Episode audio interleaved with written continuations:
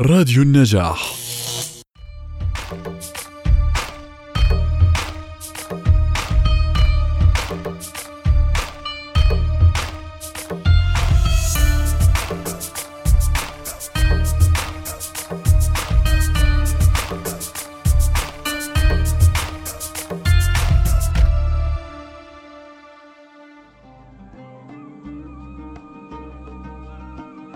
الإخلاص يعني صدق العبد في توجهه إلى الله اعتقادا وعملا.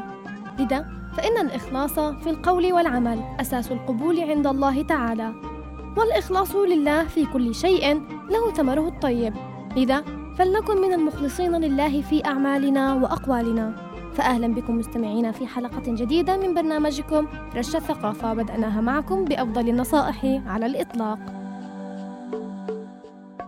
لو في يوم كان الحمل عليك تقيل وتايه لوحدك مش لاقي دليل والهموم تخلي الليل طويل وترميك في غربة ومرارة ومد ايديك تلقى دايما حواليك. كاتبنا اليوم هو أديب مصري نابغ في الإنشاء والأدب. انفرد بأسلوب نقي في مقالاته. له شعر جيد فيه رقة قام بالكثير من الترجمة والاقتباس من بعض روايات الأدب الفرنسي الشهيرة بأسلوب أدبي فذ وصياغة عربية في غاية الروعة. هذا هو مصطفى لطفي المنفلوطي. ولد المنفلوطي سنة 1876 من أب مصري وأم تركية في مدينة منفلوط. نهج المنفلوطي سبيل آبائه في الثقافة والتحق بكتاب القرية كالعادة المتبعة في البلاد آنذاك. فحفظ القرآن الكريم كله وهو في التاسعة من عمره ثم أرسله أبوه إلى الجامع الأزهر بالقاهرة. وفي السنوات الثلاث من إقامته في الأزهر بدأ يستجيب لتتضح نزعته الأدبية فأقبل يتزود من كتب التراث في عصره الذهبي. جامعا إلى دروسه الأزهرية التقليدية قراءة متأملة واعية في دواوين شعراء المدرسة الشامية بالإضافة إلى النثر. إن شاء الله إن شاء الله وللمنفلوط أعمالا أدبية كثيرة. اختلف فيها الرأي وتدابر حولها القول. وقد بدأت أعمال المنفلوط تتبدى للناس من خلال ما كان ينشره في بعض المجلات الإقليمية. كمجلة الفلاح والهلال والجامعة والعمدة وغيرها. ثم انتقل إلى أكبر الصحف وهي المؤيد وكتب مقالات بعنوان نظرات وجمعت في كتاب تحت نفس الاسم على ثلاثة أجزاء وصدر له العديد من الكتب منها محاضرات المنفلوطي. وقام المنفلوطي بترجمة مجموعة من الروايات منها ظلال الزيزفون التي قام بترجمتها وأطلق عليها الفضيلة. ورواية سيرانز دي برجراك التي أطلق عليها بعد ترجمتها اسم الشاعر. وتوفي الأديب المصري المنفلوطي في سنة 1924 بعد أن ترك لنا أدبا لا يقدر بثمن.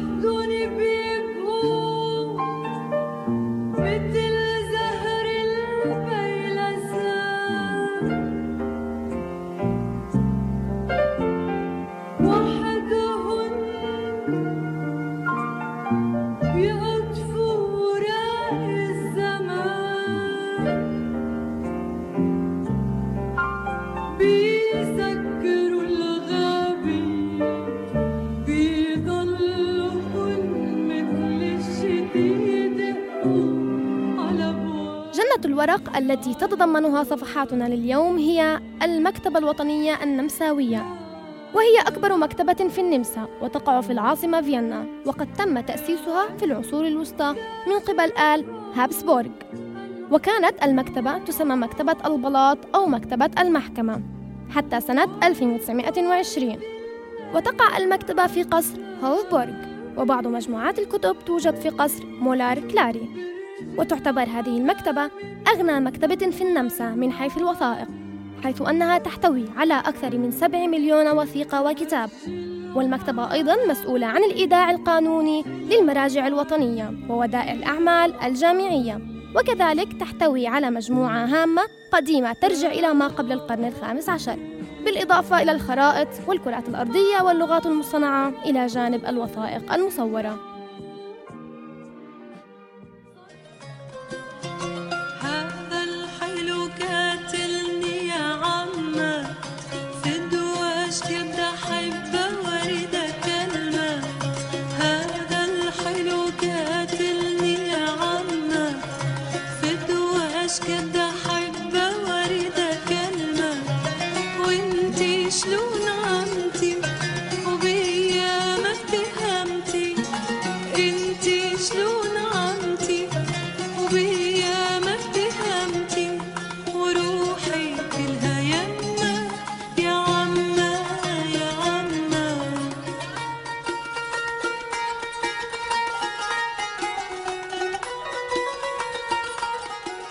كثيرا ما نسمع مستمعينا بكلمة الأساطير وأيضا فقد ذكرت في القرآن الكريم.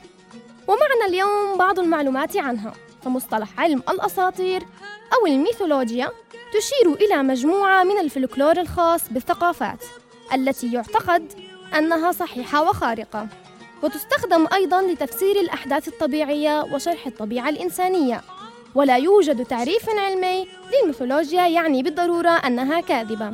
ففي السياق العلمي كلمة أسطورة تعني قصة مقدسة أو قصة تقليدية لكنها لا تعني قصة مكذوبة. قلبي شلون صبرة ونار العشق كبرة قلبي قلبي نفس صبرة ووردت كلمة الأساطير في عدة مواقع في القرآن الكريم حيث جاء فيه تعبير أساطير الأولين أي قصص الأقدمين.